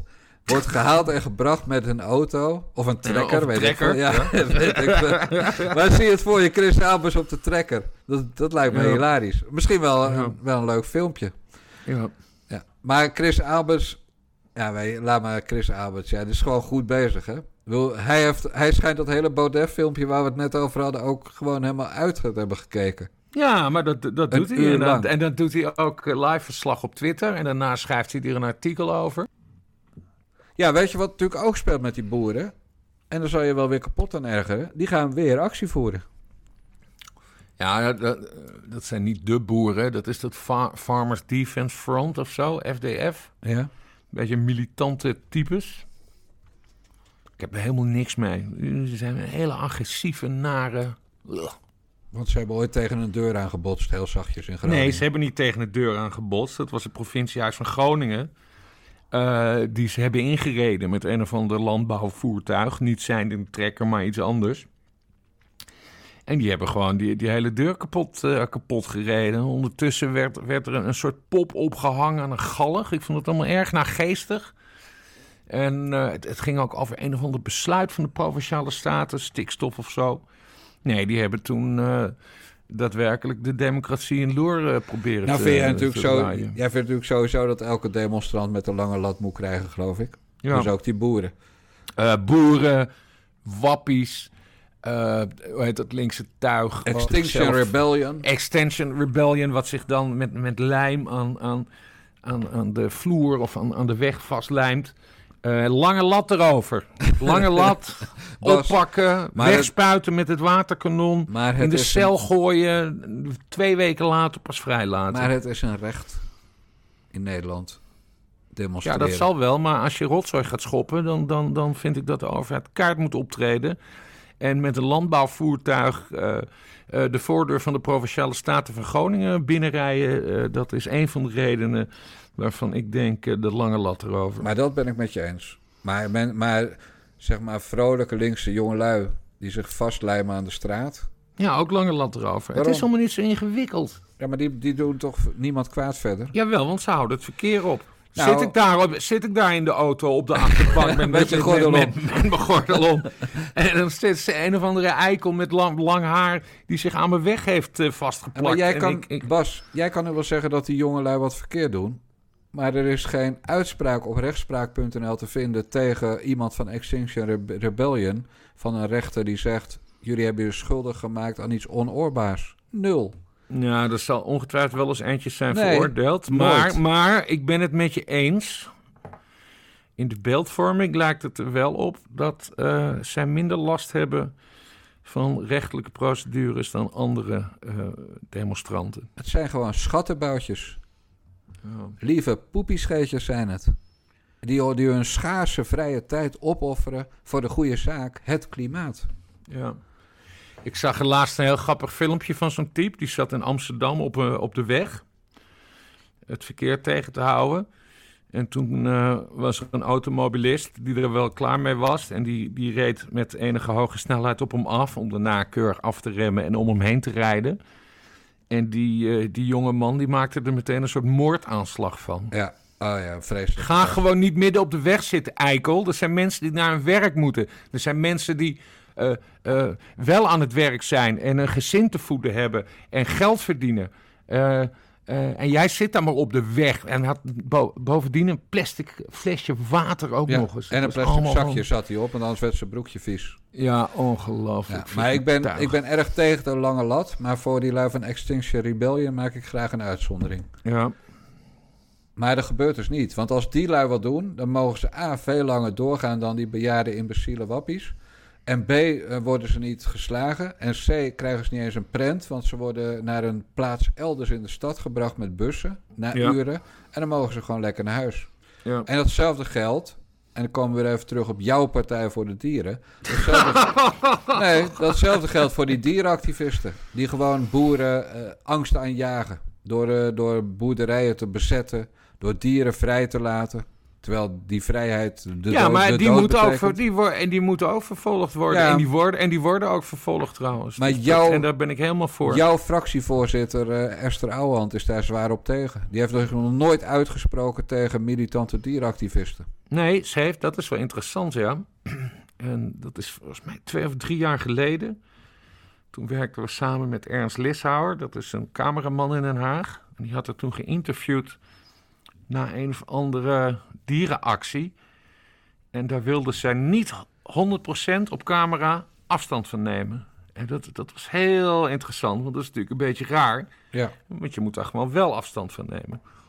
Maar goed, dat is mijn probleem niet. Dat ik, hè, ik ben dus lid van de Partij voor de Dieren vanwege een specifiek standpunt. Dat wil niet zeggen dat ik nu voor dierenactivisten ben. Want ook de lange lat. Ze moeten gewoon van mij allemaal de lange Ja, maar lat nu zeg je eigenlijk dat je partijgenoten de lange lat moeten krijgen. Je ja, vrienden. nou, dan, het zij zo. Het zij zo. Jezus man. Waar is jouw loyaliteit gebleven? Oh man, man, man. ja, dat is toch erg. Ja. Want er, waarom zegt Esther Ouwehand dat niet? Waarom neemt ze geen afstand? Omdat ze dan op de laarzen krijgt van de partijbonzen. Van de, van de, de echte baas, Marianne Thieme en de man. Ewout, Ewart Engel, of hoe heet Ewald? Engelen. Ja, Ewald Engelen, ja. Dan krijgt ze op de laarzen. Dus dat ja, doet, het- dat het- het- ik weet niet wat daarmee te maken heeft. Het heeft vooral te maken met een deel van de, van de achterban natuurlijk. Ja, maar de basis Thieme. En, en ook dit, dit is gewoon Jensen, maar dan de andere kant op. Het is handel. Het is Ja. puur handel. En de, en de echtgenoot van Thieme, de vorige, dus de echte echtgenoot hiervoor, die handelde in die shit, hè? Dus ja, die niet- heeft de vegetarische slager Precies, dus het was niet een, Ja. beetje, een, beetje handel. Het, is gewoon, eh, het was gewoon een giga-miljoenenbedrijf... Ja. waar die partijen er heel veel reclame voor maakten. En, En dat uiteindelijk, dat en soort- uiteindelijk verkocht een Unilever, hè? Ja, en in die Ja. wereld, Bas Paternotte, eh, ben jij lid. Jij Ja. sponsort die lui. Ja. Gadverdamme, man. Oh, oké. ja, doe mij maar BBB, hoor. Dat dan toch een stuk zuiverder. Ja, de boerenlobby, Dijkgraaf. Nou ja. en? Ja. Ja, de boeren krijgen heel veel geld van Europa. Ja, nou, dat lijkt me beter dan dat het naar, de- naar de pensioenen in Italië of Spanje gaat, eerlijk gezegd. ja. En weet je, ik woon hier tussen boeren die de koeien allemaal buiten hebben lopen. Hè? Ik ben geboren en getogen Fries. Ik kom uit de Woorden. Ik ben een Woordpiek. Ik ben meer boer dan, dan, dan jij in je, in, je, in je Rotterdamse... Jij, weet, jij weet dus ook dat, boeren, dat koeien zelden nog buiten lopen. Dat die boeren zo op productie gericht zijn en op eh, afgemeten voeding. Dat ze koeien in principe liever niet buiten laten lopen. En je weet Ja, ook, dat dat je weet weet ik, ook maar- dat de koeien het niet willen, toch? Ja, maar ik heb op mijn melkpak, dat, dat zoek ik altijd uit, eh, daar staat op dat het weidemelk is. En dat zijn koeien die de 150 dagen per jaar in, eh, in de weide vrolijk gras hebben gegeten. Dus dat, daar ben ik heel bewust in, ook in mijn melkconsumptie. En die krijgen meer geld, die boeren, voor die, voor die melk. Omdat die koeien minder melk geven. Omdat ze buiten eten in plaats van allemaal eh, kunstmatig samengestelde voeding. Ja, maar dat vind ik dus helemaal niet erg, hè? Nee, en dan niet. is je melk misschien wat duurder. Maar dat is dus bijdragen aan een betere, betere wereld. Ja, goed man. Oh Goed. man, wat een gesprek oh, weer. ja, het gaat weer niet goed. Laten we nog eventjes naar die, eh, even teruggaan naar de affaire Kaag. Want die is eh, bijna is gesiewerd. Dat is eh, uitgegaan als een nachtkaars. Eh, maar, toen kwam, maar ja, toen kwam er toch weer een nabrander in NRC van die regisseur en producent van die film. Die zeiden het is allemaal een hetze van geen stijl en de Telegraaf. Oh, die wijven. Het was, oh, wat erg. Maar ze hadden ook een zinnetje. Wacht even hoor. Ik, Eén seconde, even het zinnetje erbij pakken. Oh ja. Ze heten dus Shu Tan en, en Monique Busman. Dat, dat zijn dus de, de documentairemakers. Op En de dan foto, voor de mensen die geen beeld hebben bij de podcast, twee van die hele zure wijven om te zien. Ja. En zelf concluderen ze: vrouw van de wereld heeft ineens te maken met gedoe in de Kamer. Hallo, dat geeft al zo aan hoe ze het niet snappen. Ja. In de, in de democratie is het hoogste orgaan de Tweede Kamer. Dat weet een kind. En de Tweede Kamer die controleert het kabinet. En zij maken ervan dat Kaag zelf het slachtoffer is. Maar dat, dat, dat is helemaal niet. Nee. En zij zijn ook het slachtoffer.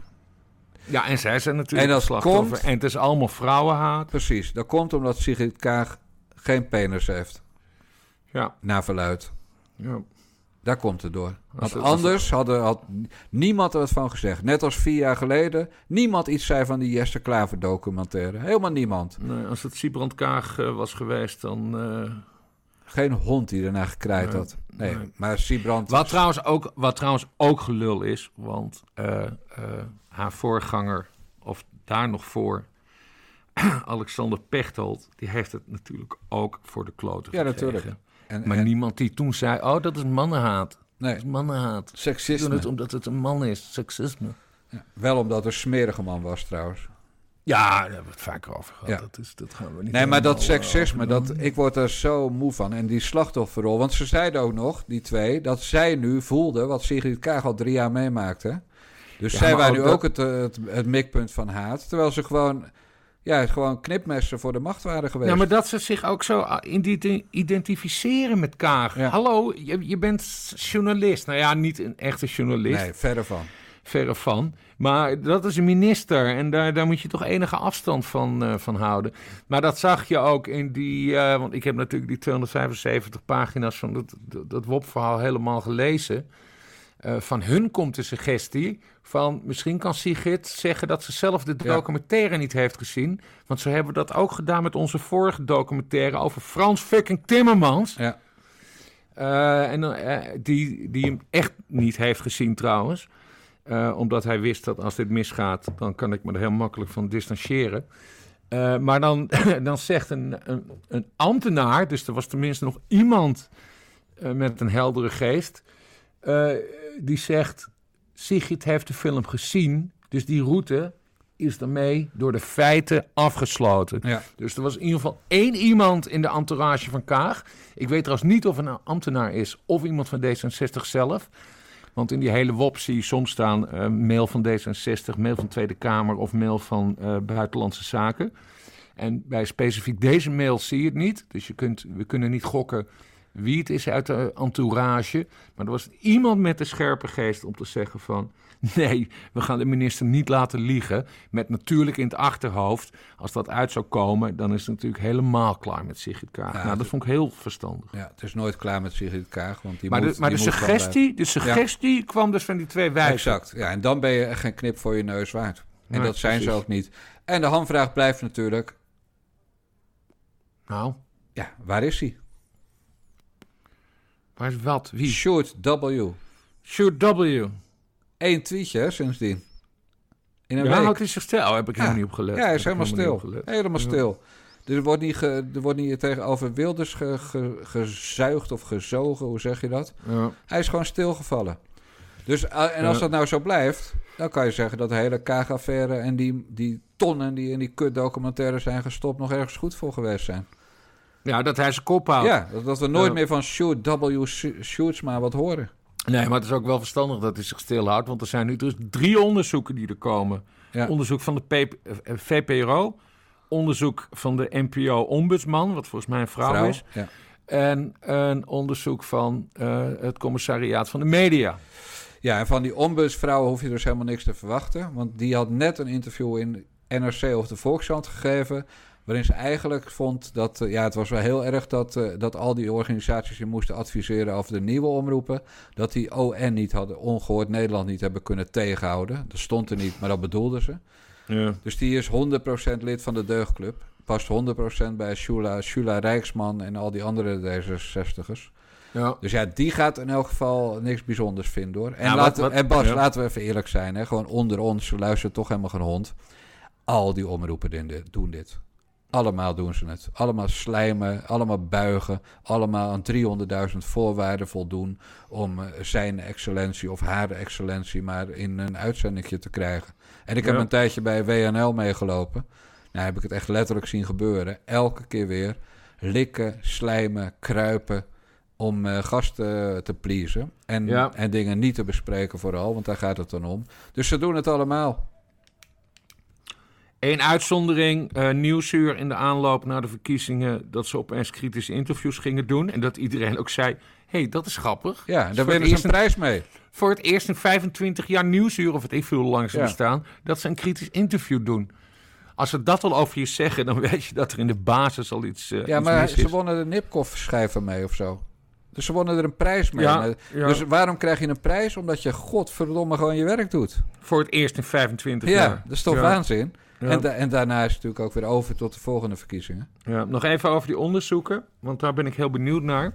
Worden die alle drie tegelijkertijd gepubliceerd? Of zouden ze het verdelen? Want dan heb je dus drie nieuwsmomenten. Ja, dus je hebt het antwoord al gegeven. Ik ga gokken dat ze alle drie in één keer naar buiten worden Ja, gebracht. Op Want dan- vrijdagavond 11 uur. exact. Of zondagavond. Net zoals Arie Slob, minister van Mediazaken, afgelopen vrijdag een brief aan de Tweede Kamer stuurde. eh, dat hij dus verkeerd was ingelicht door de VPRO. En op vrijdag is Take Out the Trash Day. Dus dan zetten ze alle ongevallige dingen online. Dat was dus ook weer heel typisch qua timing. Ja. Maar het is ons niet ontgaan, want ik heb er meerdere stukjes over getikt. Ja, wij moeten wel. hey, eh, dat is trouwens ook wel grappig, hè? Want wij waren natuurlijk eh, tijdschriftjongens Hmm. vroeger. Dode Maar- bomen. Maar wij zijn nu helemaal omgeturnd naar internet. Ja. En nou hadden wij eh, eh, vorige week hadden wij eh, de podcast opgenomen. En er gebeurden twee dingen in, eh, in de uren tussen opnemen en, en het moment dat we hem live zetten. En het Mhm. eerste was eh, Sigrid Kaag. Mhm. En het tweede was Frank de Boer die ging aftreden. Ja. Dus dan moet ik gaan knippen en plakken in die shit. Heet dat aftreden als een bondscoach opstapt? Ja, hij stapte op. Ja, je hebt gelijk. Hij nam ontslag. Ja. Eh, zo moet ik het eh, officieel zeggen. Maar er stond ook een clausule in het contract dat de KNVB hem had kunnen ontslaan bij het niet halen van de kwartfinale. Maar daar gaat het me niet om. Jawel, ik vind dat belangrijk. Ik noem het, hij, hij, Ja, maar als ik jou hij, zie. Als hij, ik hij jou... koos ervoor om zich te oriënteren op een nieuwe Nee, uitdaging. nee, zo zei hij het niet. Nee, hij, hij accepteerde dat, hij slecht, dat er slecht gepresteerd was. De doelstellingen waren niet gehaald en hij trad af. Daar kan Mark Rutte nog wat van leren. Of hij nam ontslag. En hij verdween ook echt. Daar kan Mark Rutte nog meer van leren.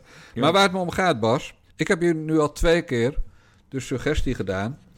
Kijk, wij willen graag donateurs. Hè? En dat kan op die pagina van TPO. En dat kan bij nadejongens.backme.org. En het kan via bunk.me slash Radio. Kunnen mensen allemaal muntjes storten omdat ze ons zo leuk vinden. Ja. Maar wij falen wel. Want ik heb jou nu twee keer gemaild. En je hebt het twee keer genegeerd. En daarom moet ik het nu ter sprake brengen. Dat het tijd wordt voor BNB. Een nieuw rubriekje bij ons. Bernard Marie Bernard. Mhm. En dat is bellen met Bassie. Dat op het moment dat er iets actueels gebeurt, dat ik de telefoon pak, dat jij de telefoon opneemt, het liefst binnen drie keer, want ik heb weinig geduld, en dat wij dan even zo'n zaak bespreken, bijvoorbeeld de boer rot op, en dat dat eh, tien minuten, maximaal een kwartier, en Mhm. dat we daar dan een podcast van maken die we meteen live flikkeren. Dat wil ik. Dan, dan ben je eh, zeg maar bezig met het is 2021. We hebben internet. De dode bomen zijn niet voor niks dode bomen. Maar jij negeert steeds die oproep van mij.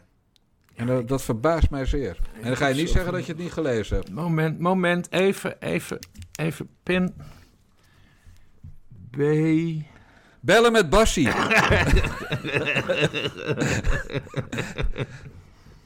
en ik weet dat Bassie, dat, dat, dat, je, dat past niet bij je merkbeleving. Dus bellen met Bas wordt dat dan. Of bellen met Nee, bellen met Bassie kan prima. Want ik, kan wel. sinds 2012 eh, heb ik een column genaamd Bassie Hof. Ja, maar daar ben je toch ook niet blij mee met die naam? Vind je toch ook kinderachtig? Bassie Hof. Nee, maar dat is wel een goede merk. Ja, nou ja, bellen met Bassie dus. Dus Ja. als jouw telefoon gaat en je ziet staan Dijkgraaf belt... dan neem je gewoon je telefoon op... en dan hoef je niks aan je computer aan te zetten. Dan neem ik gewoon dat geluid van jouw telefoon op... en dan hebben we een kwartier later hebben we een tussentijdse podcast gemaakt. Ja, En dan zitten we boven op het nieuws. Wat, wat jongens zoals jij en ik toch het liefste doen. Een paar keer per dag gewoon boven op het nieuws zitten. Dus dit gewoon bij groot nieuws. Hè? We gaan dit niet bij elke Ja. scheet doen.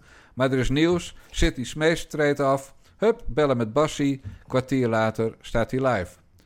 Eh, Sigrid Kaag eh, gaat toch weer in op een aanbod van de VN om uit Nederland te verdwijnen over een paar maanden. Hup, bellen met Bassie. En een kwartier later staat hij live. Daar wil ik naartoe met, eh, met deze podcast. In plaats van elke keer op woensdag rond de lunch. Hartstikke leuk. ja. Maar je moet ook wel, vind ik... Ja, we, we leven nu het ritme van een weekblad. ja. En dat is 2000, 1990. Daar Ik ben het over. om. Ik vind het een goed plan. Nou, dat gaan we doen. Laten we, het maar, laten we het maar gaan doen. Ja, dus als jij je scherm ziet verschijnen 06 50 20 81 03... dan weet je, bellen met Bassie. Ja, je staat er ook in als de kleine kale kapelmeester. Nou, Dus de KKK dan. De, ja, ik Ja. weet heus wel wie de beeld. En dan, is het met, en dan neem ik het op en dan gaan we niet knippen plakken. Dan is het gewoon hup live. Ja, ja. Nee, staat genoteerd. Laten we dat doen. Nou, dan gaan we nu nog even naar de belangrijke zaken des levens. Eh, Louis van Gaal. Ben je nou zo dom, Ted van Leven? Ben je nou zo dom? Of is het niet? Ben ik niet begonnen met te zeggen dat ik de belangen van Ajax moet verdedigen? Ben ik niet begonnen te zeggen dat wij met spelers afspraken hebben? Waarom stel je dan deze vraag? Ben ik nou degene die zo slim is of ben jij zo dom?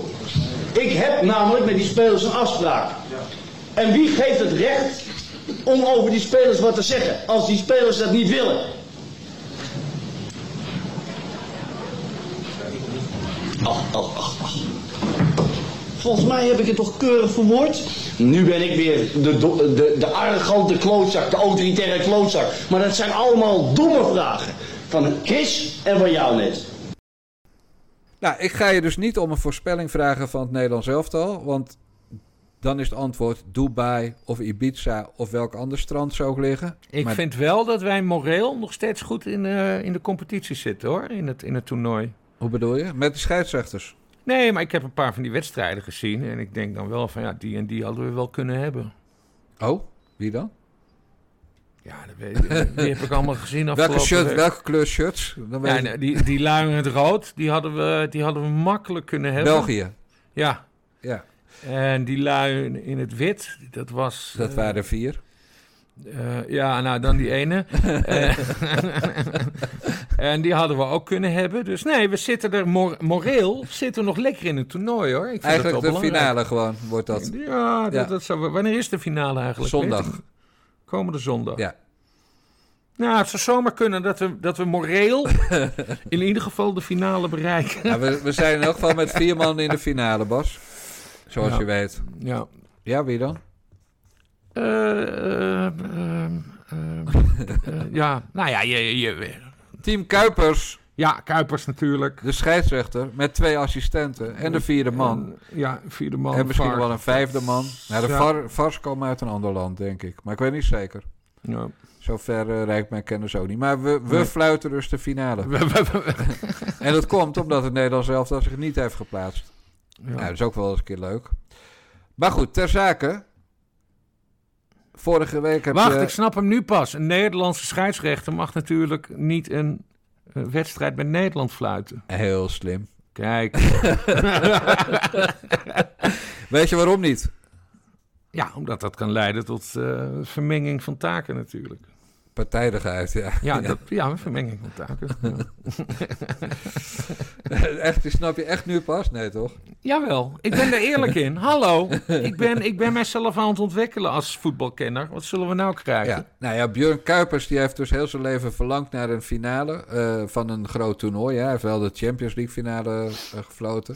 Maar ja, dat, op het moment dat, dat een land in de, kwart, in de halve finale zit... dan worden de scheidsrechters uit dat land naar huis gestuurd. Er worden tussentijds al meer naar huis gestuurd.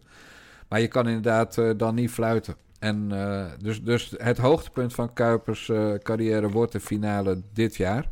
Ja. Nou, dat is mooi. En dan volgend jaar is Makkeli kandidaat voor de finale misschien wel in, op het WK. Want ja, zoals je weet gaat Nederland er niet eens heen. Dus alle kansen om eh, daar weer verder in het toernooi te komen. En Ja. ik als oud scheidsrechter juich dat natuurlijk toe. God, ben je ook nog scheidsrechter geweest? Zeker, Bas. Jarenlang in eh Maar de hele op die korte pootjes de hele tijd heen en weer rennen met, met al die jonge lui. 10 kilometer per wedstrijd. ja. Ik hield dat bij met mijn horloge. Mhm. En eh, ja, nee, met die korte pootjes kon ik wel, was ik wel zeer geschikt voor zeer korte sprintjes. En je weet hoe dat komt. Dat komt door, on- door onze gezamenlijke badminton carrière. Dan Ja. leer je eh, sprinten op de korte afstand. Ja, dat is waar. Ja, nee, ik was, ik was een eh, redelijke scheidsrechter op laag amateurniveau. Zullen we het daarop houden? Ja. Nou, nu dan ter zake. Wie wordt de nieuwe bondscoach? Nou, wie het wordt, weet ik niet. Maar wie, wie, Ja, wie is nou de man van de wordt- voorspellingen? Ja, nee, wie ik wil dat het wordt, is natuurlijk eh ome Louis, Louis van Gaal. Waarom? Ja, mooie baas toch? Ik heb een keer een biografie van hem gelezen. Ik vind een mooie baas. Maar die man heeft dus alles tegen. Want Hij is man, ja, hij is blank, we gaan echt geen vrouw nemen als bondscoach. Dat, nou, we dat hebben wel een goede bizar. kandidaat. Maar nee, laat me even afmaken. Hij is man, hij is blank, hij is van minimaal, hij is al over middelbare leeftijd. Mm, Eh, hij heeft geprofiteerd in zijn carrière van zwarte mensen. Dus in zekere zin zou je hem eh, slavendrijver kunnen noemen. mm, Hij zit niet in een rolstoel mm. en hij gebruikt geen woke.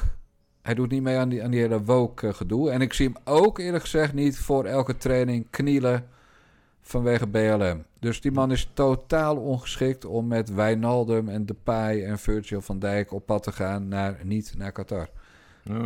Dus hij heeft alles tegen. Maar jij zit meer in dat KNVB-netwerk. Hoe groot zijn zijn kansen? Nee, die zijn wel groot. Eh, als ik het moet inschatten, maar ik, je weet, ik weet weinig van voetbal in tegenstelling tot jij. Ja.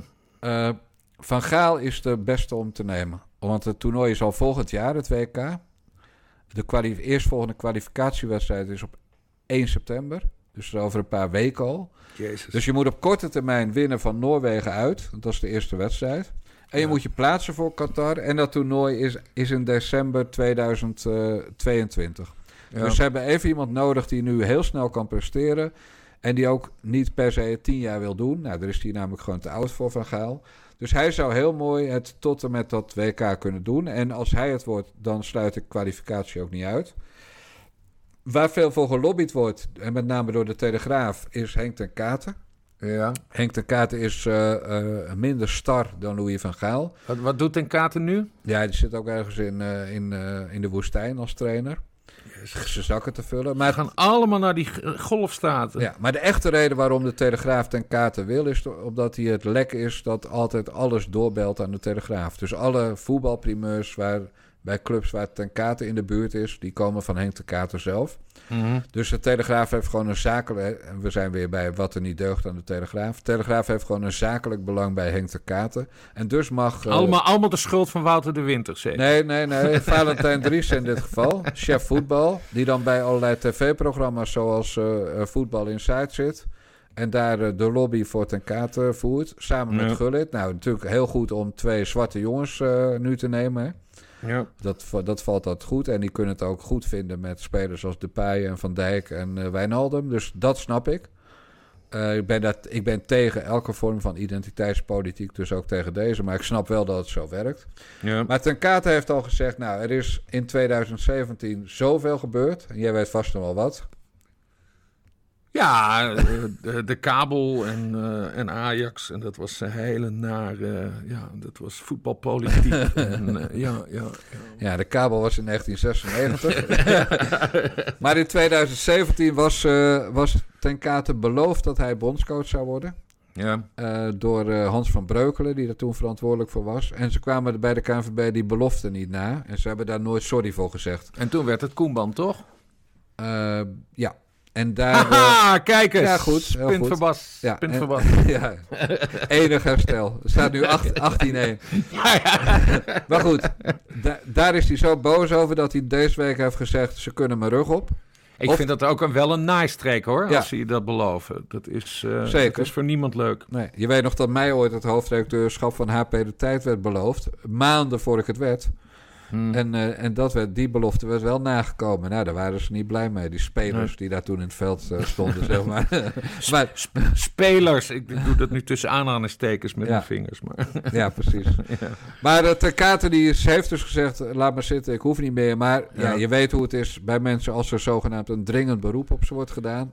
eh, dan zouden ze wel om willen gaan. Maar wie het waarschijnlijk wordt, hè, is Giovanni van Bronckhorst. Ja. Die is beschikbaar. Die heeft ook gezegd dat hij beschikbaar is.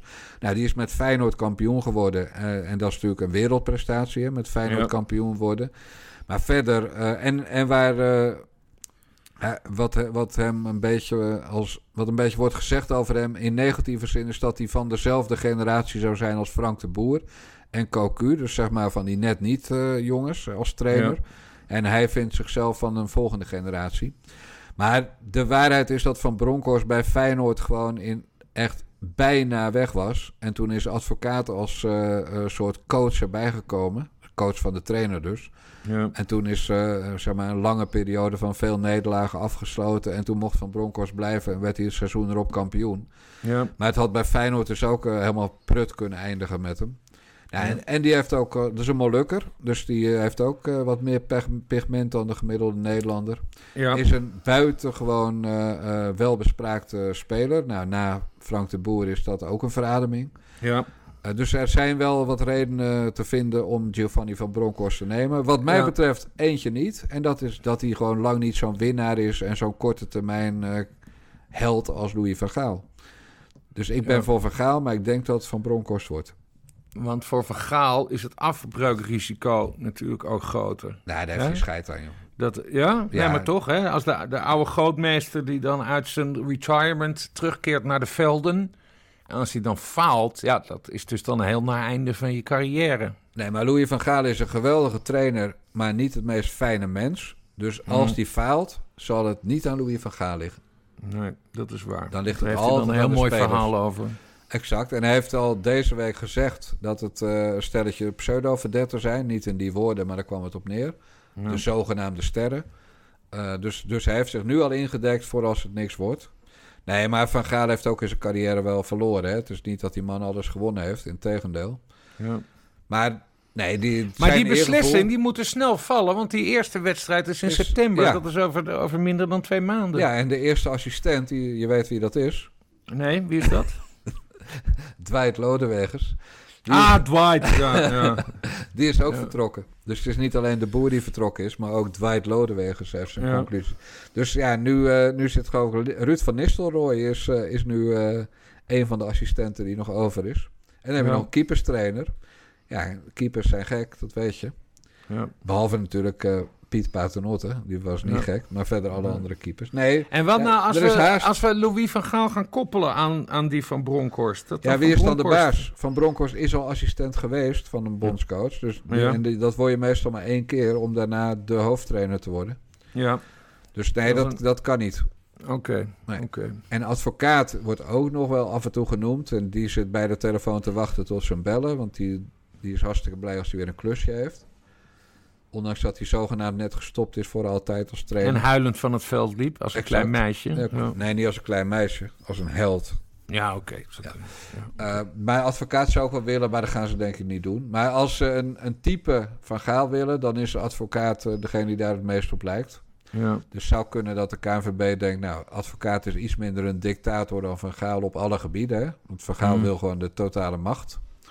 Eh, dan zou advocaat nog een optie zijn. Maar ik hou het dus op van Bronkhorst, Bas. En Ja. als je gaat eh, gokken, zoals je met die uitslagen hebt gedaan, dan zeg ik gok op van Bronkhorst, dan eh, kan je aardig geld verdienen. We gaan hier de komende weken nog op terugkomen. We kunnen niet vaak genoeg over voetbal hebben en over Ja. lekkere wijven. En dat laatste is er, ja, als ik zo even de, de lijst afga. We hebben het gehad over Sieske Bergsma. we hebben het gehad over Esther Ouwehand. We hebben het gehad over Caroline van der Plas. We hebben het gehad over Sin Chen Tan, of hoe ze ook heet. En die mevrouw Bosman, dacht ik. Ja. Die, eh, de lekkere wijven, qua lekkere wijven komen onze luisteraars uit deze week zeer bekijkt vanaf, kan ik je wel vertellen. Je moet voor de grappers kijken op, op ANP Foto. Er is een serie van Sigrid Kaag van 15 jaar terug of zo. Daar ziet ze er best wel appetijtelijk uit. Ja, maar ik val niet op blond. Nee, ik ook niet. Maar het is, ik zeg gewoon, vroeger was het een soort van lekker wijf. Echt? Ja, echt. Daar kan ik me nou helemaal niks bij voorstellen. Ik zal je, ik zal je de foto mailen later. En dan denk jij, die dijkgraf drukt hem af op A1 en die hangt de poster boven zijn bed van Kaag. En dan, ga ik el- dan pak ik mijn dartpijltjes en dan ga ik elke avond gooien. Ja. Nee, Bas, kom op. Als ik, als ik een koelkast wil zien, dan loop ik wel naar de buiten. ja, ja, ja, ja, precies. Gewoon zo helemaal niks. Ze lijkt me ook helemaal niet gezellig in de omgang. Ja, weet je, dat is raar. Heb ik geloof ik nog nooit verteld tegen jou. Maar ik was natuurlijk ooit bevriend met eh Hennis. Ja, Eh, Janine Hennis, voormalig minister van Defensie, zit nu in Te- Irak als speciaal vertegenwoordiger Ja, die- van de die- Verenigde Naties. Die loopt nu onder een gordijn, als het zo uitkomt. En, Ja. Maar die zei dat ze is zo leuk, ze is zo leuk. En, ze, ja, en, en toen ze is ja, zeg maar, de afstand tussen ons ontstaan. Want iemand die Sigrid Kaag leuk vindt, ja, dan voel ik meteen ongelooflijk veel afstand. Ja, ja, ja. Weet je, mensen als, als Sjoerd W. Sjoerdsma, die, die zeggen dat. Omdat het ze uitkomt qua baantje. ja. Maar je kan toch niet met droge ogen zeggen dat Sigrid Kaag een aardig mens is. Nee, het lijkt me niet. En ik denk dat haar man dat ook niet meer weet of ze een aardig mens is. Want die ziet ze dus nooit, hè? Die woont gewoon niet in Nederland, die man. Nee, En hoe zit dat? Ik wil dat Guido den Aantrekker daar eens een keer tijd aan gaat besteden. Van, van Story, de Ja, hoofdredacteur. dat weet ik niet. Het gaat dan over dus haar echtgenoot, meneer Alkak. wat ik altijd een Nee, maar dat is niet... naam heb voor- ja, gevonden. maar dat, ja, maar dat is niet de man van Nee, nee, maar goed, Kaag. Dat is een oud-minister van Arafat. Zo moet Ja, je het zien. minister van Arafat, of schaduw. Het was een schaduwkabinet van, Ja. van de PLO natuurlijk. Ehm, maar hebben we het daar niet al over gehad? Die man, wat maakt dat nou uit? Het, het- we moeten het over Sigrid Kaag hebben en hoe zij aan het falen is. En eh, zolang hij niet betrokken is bij die, eh, die, finan- die financiën naar Palestijnse terroristen... wat niet zo is, want dat komt uit haar departement... Hè, die, eh, die subsidies die later zijn misbruikt voor, eh, voor, voor een aanslag, minimaal één... Kijk, als hij er niks mee te maken heeft, interesseert het me helemaal geen flikker. Bas, Flikker mag je ook niet meer zeggen. nee. Ik wilde net zeggen. Bas, Ja. dat kan je toch niet maken? Nu noem jij gewoon meneer El Kak een flikker. Oh man, man, man. Of het zijn moe, dat kan ook. Of ik ben moe. Ja. Dit Het, was, duurt, weer- het duurt weer veel te lang, Dijkgraaf. dit was, wilde ik zeggen, de negentiende aflevering van de Nare Jongens podcast van Niva Radio. Onze website is nivaradio.nl. Doneren kan bij de Nare Jongens podcast op tpo.nl, via narejongens.backme.org of via bunk.me slash nivaradio. Heb je tips? Wil je ons overladen met complimenten? Of heb je gewoon wat te zeiken? Dan mag je mailen naar redactieassistente Naomi op redactie.nivaradio.nl. Maar als je denkt, bellen met Bassie moet heel groot worden. Ik ga die jongens vertellen wat ze moeten doen. Dan moet je een mailtje sturen naar prullenbak.nivaradio.nl. Want wij zijn niemands knecht. En zo is het.